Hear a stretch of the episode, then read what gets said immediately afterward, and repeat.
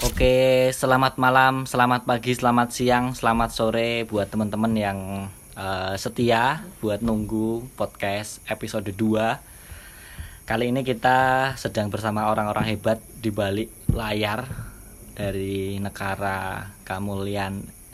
Siapa sih mereka? Ini ada teman-teman kita, ada siapa boleh kenalan? Ya. Mas Niko boleh memperkenalkan diri. Ya, Diri. saya Niko Marta, asli Jember, Jawa Timur. Wah, di sini jauh dari Jember ya Mas Iya, ya? jauh. Di sini juga gabung di negara tim. Asik. Asik, asik, asik. Satu lagi kita ada sahabat kita perempuan luar biasa. Beliau adalah Mbak Dia. Monggo Mbak Dia boleh memperkenalkan dirinya. Ya, halo, saya Dia Azhari. Saya dari Polda, Polda Datan. Parantritis. Keren nih Polda, singkatannya Polda ya Mas. Tapi sekarang lagi Gila. domisili 4 tahun ini di Sleman. Asik. Oke, teman-teman, ini ada beberapa pertanyaan sih yang udah masuk ke kita kemarin eh, direct message ke sosial media kita menanyakan perihal eh, siapa sih di balik di balik layarnya dari negara itu siapa kayak gitu. Nah, kalau Mbak Diah sendiri kita mulai dari Mbak Diah ya. Hmm. Mbak Diah udah berapa lama nih di negara? Terus di negara itu sebagai apa? Eh, saya di negara itu kurang lebih udah memasuki tiga bulan, mau empat bulan ya Mas ya. Empat bulan. Heeh. Nah, di sini saya sebagai sales ek- eksekutif. Ini biasanya saya eh, menjalin mitra dengan orang-orang, baik itu untuk mitra pemasaran ataupun mitra produksi seperti itu. Dan sejauh ini ya saya enjoy dengan pekerjaan ini sih. Tadi disebutkan ada mitra pemasaran dan mitra produksi dan Mbak Dia sendiri sebagai sales eksekutif begitu ya Mbak ya. Ha. Nah, yang dilakukan eh, sebagai sales eksekutif untuk mendapatkan mitra produksi sama mitra apa tadi satunya? Eh, mitra pemasaran. Mitra pemasaran. Itu seperti apa kalau dari Mbak Dia caranya? Mungkin kita nggak usah terlalu dalam dulu ya bahasanya ya. Mungkin covernya dulu aja kayak gitu. Eh, karena saya kita tahu ya kalau mitra eh, negara ini merupakan badan usaha yang baru cikal, maksudnya baru merintis. Makanya eh, hal-hal yang saya gunakan itu untuk saat ini adalah engagement secara personal. Eh, bagaimana membangun kepercayaan itu secara personal seperti itu. Jadi dalam proses-proses yang saya lalui seperti engagement untuk eh, mitra pemasaran ya, itu saya lebih menekankan eh, ke ini. Orang-orang melihat kita tuh sebagai suatu ikatan yang eh, secara personal dulu. Karena eh, biar awareness soal negara kemudian awareness soal produk-produk negara itu tersampaikan. Itu. Berarti memang dimulai ah, dari apa namanya personal dulu ya Mbak ya. iya dari lingkungan lingkungan sekitar dulu sih kayak gitu Oke, cukup menarik yang disampaikan oleh Mbak Diah begitu. Mungkin uh, sedikit melebar pertanyaannya. Tadi kan tentang cara ya, tentang perta- uh, cara pertama yang dilakukan itu seperti apa. Nah, mungkin kalau kita bicara UMKM produksi dan UMKM pemasaran saat ini di Indonesia sendiri ya, karena negara kan hadir menjadi salah satu uh, partnership atau salah satu bagian untuk memajukan UMKM begitu ya? Pendobrak. mendobrak benar. Nah kalau menurut Mbak Dia nih eh, menurut Mbak Dia UMKM di Indonesia itu produknya seperti apa sih? Apakah masih kurang atau apakah bagaimana kalau menurut Mbak Dia Eh, ya. Kalau saya sendiri kalau udah melihat dari produk-produk negara ya, sebenarnya produk-produk UMKM itu tuh eh, tidak jauh beda, nggak kalah saing ya nggak berarti kalah ya saing, benar. Oke. Dan lebih otentik karena eh, bercikal dari daerahnya masing-masing, potensi dari daerahnya masing-masing.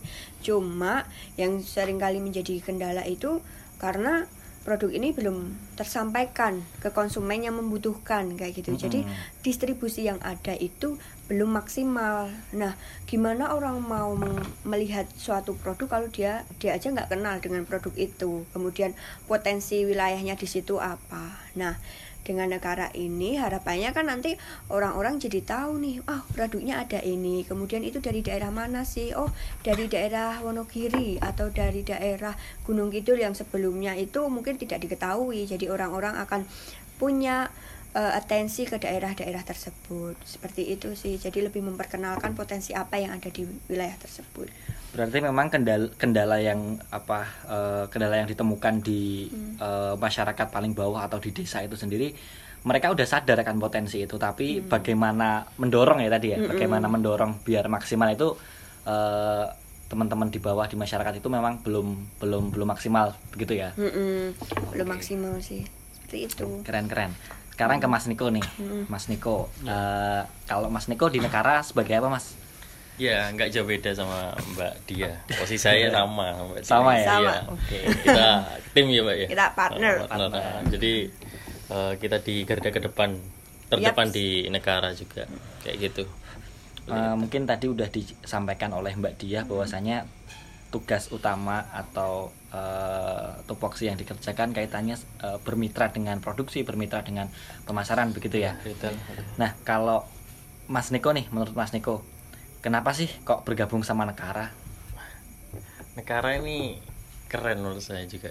Kerennya Eh, gimana Mas kerennya? Jadi ya itu eh, kita tahu lah kalau UMKM ini sendiri kan eh, merupakan ini apa garda yang harus diperjuangkan untuk mem- mem- meningkatkan ekonomi Indonesia. Jadi kalau kata teman saya itu bilangnya gini, eh, Indonesia ini bisa bercahaya itu bukan karena obor di Jakarta, tapi karena lilin-lilin di daerah seperti itu. Asik, Gitu menurut saya. Jadi negara ini menjaga lilin-lilin itu biar, Biar tetap bisa nyala ya. ha, ha. Kalau sampai pun waktunya nanti kita itu bisa harapannya juga bisa memasarkan di bukan hanya di Indonesia, luar negeri ah, tapi di luar juga. Ah, karena juga di di negara ini eh, produknya juga bervariasi, beragam dan itu juga punya potensi yang sangat kuat kayak misalnya jahe merah dengan apa? eh, Mete. iya, jahe merah, mete, terus jahe merahnya itu juga ya pasti sangat dibutuhkan apalagi kondisi seperti saat ini seperti itu. Benar. Kalau kita tahu memang eh, tadi ya sudah disampaikan bahwasanya potensi di desa itu nggak kalah saing sama yang ada di perkotaan seperti Iya. itu ya. Tapi bagaimana cara mengemas, bagaimana cara mendorong produk itu agar sampai ke kota-kota, sampai ke masyarakat eh, luas itu memang menjadi tugas kita, tugas eh, teman-teman di negara begitu ya. Iya. Keren, keren, keren, keren. Lalu ini kan negara kan eh, tadi disampaikan sudah empat bulan begitu ya, sudah sudah empat bulan running. Nah, sudah sejauh mana nih negara menurut teman-teman? Hmm, kalau saya sih karena kita baru rintisan ya, tapi juga tidak mengesampingkan target-target yang nantinya akan kita capai. Cuma sejauh ini selama empat bulan ini eh saya merasakan ini suatu challenging, challenge, challenge buat saya sebagai eh, pribadi untuk mengembangkan gimana caranya nih negara tuh bisa berkembang dengan merangkul banyak orang kayak gitu loh dan eh, dengan challenge-challenge ini tuh akhirnya kita dituntut untuk mikir. Mm-mm. jadi nggak cuma statis kita melakukan eh, hal-hal yang eh, apa ya yang monoton seperti itu. Jadi kita tuntutan itu yang secara tidak langsung akhirnya membuat kita gerak harus belajar nih harus nyari tahu gimana sih caranya untuk eh, engagement sama orang Se- sebagai saya pribadi ya sebagai seorang sales eksekutif Ken- terus gimana caranya untuk komunikasi sama orang terus bagaimana eh, bagaimana kita eh, apa ya em, berperilaku dan sebagainya kemudian pokoknya banyak sekali yang akhirnya saya saya pelajari untuk menjadi seorang sales eksekutif seperti itu Oke, keren, keren, keren, keren, cakep, cakep. Lalu ini mbak apa namanya? eh, itu kan pasti selama empat bulan itu pasti ada hal yang sudah terjadi, maksudnya kesan pesan, terus rintangan atau tantangan yang sudah pernah dilalui atau pernah dirasakan selama apa ya berkomunikasi dengan UMKM produksi ataupun berkomunikasi dengan UMKM pemasaran. Itu seperti apa mbak? Eh, kalau saya sih pri- pribadi kalau untuk yang UMKM produksi karena kita juga baru eh, beberapa ya. Yes. eh, ada beberapa UMKM itu yang emang menawarkan produknya tapi eh, masih ini sepenuh hati artinya dari dia sendiri pun belum ada eh, kemauan untuk bangun kayak gitu loh nah itu yang mungkin juga eh, akan eh, menjadi pertimbangan untuk kita karena ketika UMKM itu tidak ada niatan untuk kemudian berkembang atau kemudian eh, mempelajari sesuatu bagaimana cara eh, menyusun PIRT dan sebagainya itu nanti juga akan menjadi PR banyak buat kita kayak gitu. Yes. Nah, keduanya juga untuk yang pemasaran itu saya sangat punya pengalaman banyak banget di sini untuk Eh ngomong-ngomong sebelum bicara tentang apa namanya kesan pesan tadi, udah berapa banyak sih Mbak eh, negara itu kerjasama sama eh, pemasaran kayak gitu, UMKM pemasaran? Kalau kemarin listingnya tuh udah ada seratusan mas. Sudah 100 lebih ya berarti ya? Oh, Oh. 100 lebih titik. Mm-mm. Titik gitu. titik mitra. Dan itu macam-macam karakternya. Mm-mm. Gitu. Ya macam-macam lah. Biasa. Tadi kembali ke kesan pesan dengan apa namanya berkomuni- berkomunikasi, menjalin komunikasi, menjalin engagement ke 100 mitra itu seperti apa pengalamannya? Ya ada yang lucu, ada yang sempat bikin down. Mengharukan, mengharukan, Mengharukan juga ada Kondisinya sih. kayak kas- kondisinya kayak gini sekarang kayak gitu. Uh, uh, jadi ini ini sih yang uh, apa? ya, Jadi Challenging ya? challenging karena negara ini dibangun ketika masa pandemi Ah, pertama ah, itu benar, benar. masa pandemi di mana orang-orang yang banyak bangkrut tapi ini malah membangun usaha. Nah ini ini challenge buat kita nih. Bukan hanya membangun usaha tapi merangkul. merangkul orang untuk kemudian bangkit. Membangkitkan. membangkitkan eh, ekonomi masyarakat kayak gitu. Dan keduanya gimana caranya kita mempromosikan produk di tengah situasi pandemi seperti ini. Nah itu hal yang membuat kita eh, tidak hanya berpikir satu dua kali kan. Jadi kita banyak belajar situ sih. Itu sih yang kemudian eh, membuat saya juga betah di sini karena salah satunya itu karena ini kita dituntut untuk mikir gitu. Oke, itu kalau apa kesan pesan terus hal apa aja yang udah dilakukan sama Mbak Dia ya. Kalau sekarang kita geser ke Mas Niko nih. Mas Niko, eh, kesan pesan dari Mas Niko nih kira-kira apa? Atau tantangan yang udah pernah dialami ketika menjalin komunikasi ke apa namanya mitra seperti itu? Apa Mas? ya banyak hal yang terjadi di masyarakat saat ini ya apalagi hirup pikuk kayak gini. Itu pastinya tantangannya juga banyak masyarakat juga yang mulai gusar juga banyak. Jadi negara ini hadir memang buat membangkitkan itu membangkitkan kepercayaan diri masyarakat mulai dari mitra retail atau mitra produksi. Sehingga ya tantangannya di situ. Selain itu kalau mis- misalnya mitra retail kayak misalnya kondisi saat ini in- Jogja sendiri kan Yes. ya itu juga mau kan fokusnya ke wisata. Ini masih lagi sepi gitu aja jadi eh, malah kita harus membangkitkan gitu loh. Ada optimisme di sini. Berarti memang ada ada energi lain Iya, yang mendorong teman-teman ini tetap tetap berjuang ya. Iya, pastinya gitu. Yes, di sisi lain nanti bakal mendorong teman-teman yang ada di masyarakat yang menggerakkan UMKM agar tetap terus berputar begitu ya. Iya, dengan kondisi saat ini Yes. kita juga introspeksi kita memperbaiki produk yang sebaik mungkin nanti saya kira pasar udah kembali normal akhirnya bisa bisa bersaing di pasar seperti itu. Karena memang di UMKM produksi itu perlu dilakukan peningkatan mutu itu yang yang dilakukan oleh teman-teman di negara juga seperti itu. Oke, keren banget pengalamannya ya. Berarti memang banyak hal baru ya yang didapatkan teman-teman selama di negara begitu ya. banyak belajar juga di Banyak masyarakat belajar malah. Ha. malah kami juga banyak belajar di masyarakat. Bagaimana menghadapi apa namanya latar belakang masyarakat yang berbe- berbeda-beda seperti itu. Latar belakang mungkin pendidikan yang mungkin berbeda-beda juga seperti itu ya. karakter juga beda seperti itu. Jadi ya banyak belajar lah eh, ketemu sama banyak orang bagaimana menghadapi dengan karakter yang beda-beda tersebut tadi.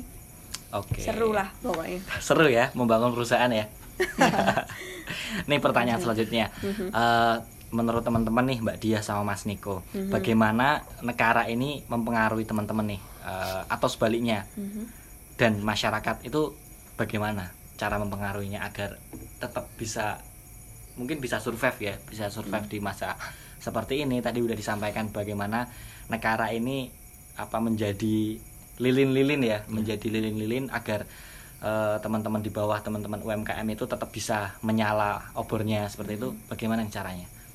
Wah, itu tipsnya banyak cara banyak jalan juga menuju Roma Iya, jadi kayak misalnya kemarin itu apa? Ya membangun optimisme ya. Jadi kayak misalnya memang negara belum bisa kita berpangku tangan ya kita yang malah mensupport negara itu.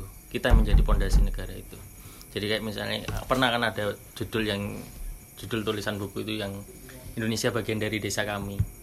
Jadi kalau Indonesia hancur, desa kami belum tentu hancur. Karena memang desa adalah tempat untuk membangkitkan Indonesia. Seperti, seperti itu menurut saya. Luar biasa sekali. Saya nggak nyampe di kata-katanya. Level tapi tapi tapi ini menjadi motivasi juga ya buat teman-teman yang mendengarkan bahwasanya memang eh, tugas kita sebagai mungkin generasi muda saat ini ya generasi muda saat ini bagaimana eh, mendorong teman-teman mendorong masyarakat yang ada di desa itu tetap bisa produktif tetap bisa berinovasi tetap bisa berkreasi dengan apa ya dengan mungkin keter keterbatasan teman-teman di bawah teman-teman di masyarakat itu eh, tetap bisa memutar ekonomi seperti itu ya. Iya, benar. kalau dari Mbak Dia nih, bagaimana sih Mbak cara mempengaruhi eh, apa namanya masyarakat itu agar tetap bisa optimis seperti itu? Eh, kalau aku sendiri sih basically eh, lebih ke secara eh, apa ya rutinitas sehari-hari artinya apa yang kita makan apa yang kita minum apa yang kemudian kita pakai apakah itu menjadi bagian dari eh, masyarakat kita sendiri atau enggak kayak gitu loh ketika akhirnya apa yang kita makan apa yang kita minum kemudian apa yang kita pakai itu semua produk-produk yang ternyata jauh dari masyarakat kita atau daya dukung lingkungan masyarakat di desa atau wilayah di Indonesia jangan harapkan kemudian eh, ekonomi kita akan menuju ekonomi yang lebih eh, bermasyarakat yang kemudian distribusi ekonominya itu akan menyasar ke eh, distribusinya itu merata istilah merata kayak gitu. Jadi ya eh, menurut saya hal itu bisa bercikal dari dilihat dulu deh eh, kamu yang kamu pakai yang kamu makan yang kamu konsumsi sehari-hari itu apakah itu produksi dari kita eh, dari masyarakat Indonesia sendiri atau itu jangan-jangan eh, semuanya full dari tanggungan masyarakat di luar negeri kayak gitu. Berarti memang konsep eh, kalau seperti itu memang kita membicarakan kaitannya dengan berdaulat begitu ya. iya Betul. Tapi mungkin kalau kita ngobrolin sekarang nggak ada habisnya kalau kita Oh, oh. bicara soal berdaulat begitu ya. benar Keren banget nih teman-teman eh, yang udah disampaikan Mbak Ni- eh, Mas Niko sama Mbak Dia eh, tentang negara, tentang bagaimana menjalin komunikasi ke masyarakat, bagaimana menjalin komunikasi ke mitra pemasaran. Itu mungkin bisa jadi apa ya eh, pengalaman yang mungkin eh, kita sama-sama belajar bahwasanya menghidupkan eh, semangat masyarakat itu nggak mudah seperti itu ya. Tapi kita nggak boleh menyerah gitu. Nah Benar mungkin sih. boleh sedikit hard selling nih buat teman-teman. Apa aja sih produk negara itu dari Mbak Dia mungkin? Eh, kalau aku yang paling senang ya jujur ya Mm-mm. yang paling senang dari negara itu kacang mete Kacang mete. Kacang Kenapa mete. kacang mete? Kan- apa ya karena kacang mete itu karena aku suka kacang-kacangan ya dan Mm-mm. itu kacang mete dari negara itu ya eh, enak eh, konsumsi enak terus itu juga dari produk dari kita jadi aku merasa happy aja kalau makan karena apa yang aku makan itu ternyata berdampak untuk orang-orang di desa di Wonogiri sana seperti itu Berarti memang memberikan dampak yang real begitu ya? Mm-mm, sama beras sih juga Beras. beras negara karena eh, beras negara itu wangi ya Mm-mm. jadi ketika masak di Magicom itu ya eh, teman-teman di kos tuh pada ini ini bau wangi apa sih di beras apa sih kayak gitu aku juga karena eh, masak itu tuh kayak seisi ruanganku tuh baunya enak wangi Jadi emang emang auranya udah bisa dirasakan indera penciuman begitu ya? Iya. Apalagi rasanya ya? Iya, apalagi rasanya. Nah, itu juga karena eh, setiap kali kita makan nasinya, aduh ini melan apa ya, kayak meromantisasi. Tapi ya, eh, oke lah. Maksudnya eh, akhirnya petani-petani kita itu dari beras lokal, dari Jogja juga ada sawahnya, di Prambanan juga ada kan, terus di Bantul juga ada, kemudian juga dari aku merasa eh, I'm happy dengan produk itu, seperti itu. Berarti mungkin eh, juga bisa disampaikan bahwasanya ketika teman-teman itu mengkonsumsi eh, produk dari negara, itu pun juga bakal membantu eh, teman-teman yang ada di masyarakat begitu ya, Heeh, benar. secara secara langsung dan secara tidak langsung. Begitu. Iya, benar sekali benar. Apalagi beras itu dibeli dengan harga yang layak Mm-mm. bagi mereka. Untuk gitu. kualitas seperti itu ya. Mm-mm.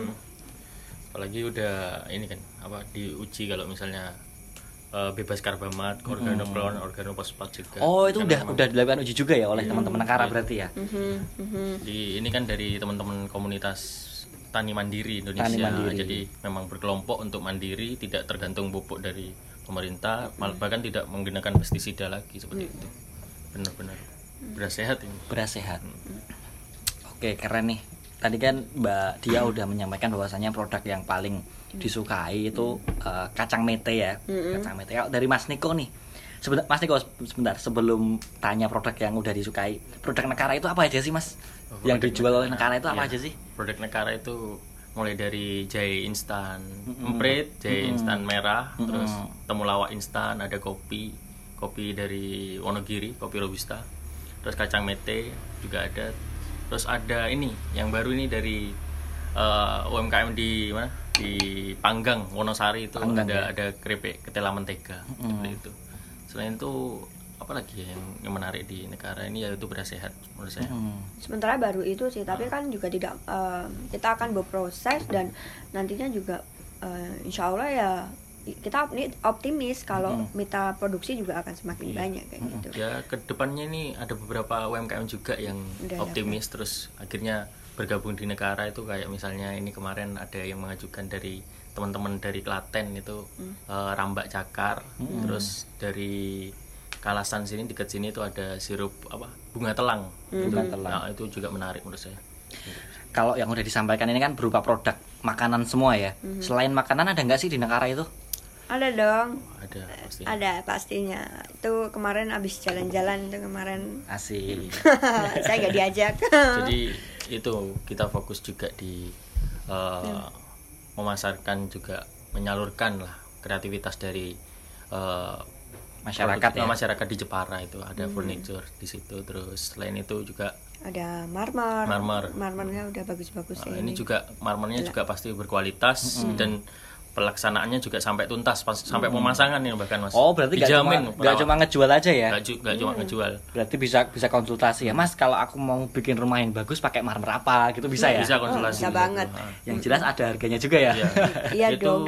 juga ini udah beberapa program udah Hmm. terjalan kayak misalnya masang di Hotel Dava Hmm. terus di Westlake. Westlake, terus habis gitu di ini kemarin ada undangan di mana di Magelang. Di Magelang. Hmm, ada beberapa apa keluarga yang percaya pada negara untuk untuk Memasang. uh, memasang marmer, di marmer keluarga di sana. keren keren keren itu berarti memang eh, produk yang hadir langsung dari masyarakat begitu ya mas ya Mhm, banget kalau tadi disampaikan ada apa namanya yang baru juga dari Jepara itu Hmm. seperti apa mas Itu ini Mas, apa? Furniture ini bisa nanti bukan hanya kita menjual produk Mm-mm, ya, tapi mm-mm. bisa juga mendesain ruangan. Mendesain Jadi ruangan uh, di juga. ruangan itu mau diisi apa, penataannya seperti apa, kami juga siap seperti itu. oh berarti memang memang lebih luas ya jangkauannya ya iya Iya.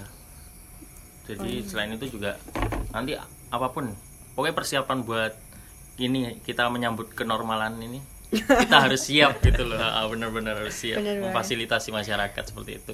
iya apalagi untuk ini ya para mama muda papa muda yang baru nikah ya Iya, ini bisa, bisa. boleh loh nanti PC ke kita gitu Ya, sharing-sharing dulu lah. Ah. berarti memang eh, negara ini kalau kita ngelihat ya ada sekarang berapa sih jumlah penduduk ada sekitar berapa 275 juta jiwa yang ada Iya. di Indonesia ya Mhm. itu memang terpusat di Pulau Jawa begitu ya dan Mhm. negara ini juga hadir dari di Pulau Jawa di Yogyakarta begitu ya mungkin Mhm. tahun-tahun ke depan tahun-tahun yang akan datang itu akan lebih luas lagi di seluruh Indonesia begitu ya Yaps, kita optimis semoga Kita eh, juga ini, Mas. gimana Kita juga punya produk yang menarik loh Apa, selain apa? ini. Apa kita itu? juga aktif di penghijauan masyarakat. wah penghijauan Jadi gimana itu penghijauan ini jadi Oh, iya. ah, jadi kan eh, memfasilitasi masyarakat Mm-mm. eh, untuk Hmm. eh, apa? Jadi ada kami itu juga kemarin udah menyediakan penjualan bibit tanaman seperti itu. Mhm. Nah, bibit tanaman juga ya bibit ya, Mas? tanaman Iya. seperti itu. Mulai dari bunga, mulai dari bunga hingga buah-buahan seperti itu. berarti memang nggak cuma nanti jatuhnya ke produk udah jadi aja tapi memang yang bertumbuh pun juga ada di negara Ada, gitu ya Iya. seperti tanaman Ya, jadi keren. untuk teman-teman yang mau ada kegiatan penghijauan nih, misal atau kampanye penanaman pohon, bisa loh ke kita mau Iya. berapapun kita sediain. Bunga yang paling laris di sini itu bougainville kemarin. bougainville Nah, oh ada juga bougainville ya. Kalau buah-buahan itu kemarin saya sampai kirim ke Jawa Timur Jawa itu Timur. ada cherry, eh, kiwi itu juga Mhm. paling laris sama kopi. Itu ambil dari tanggapannya gimana itu mas ke customer tentang negara Tentang negara mengenai produknya yang tanaman itu menarik mas karena juga kalau bougainville sendiri itu kan udah disilangkan jadi bisa ambil tiga warna, Wah. empat warna gitu.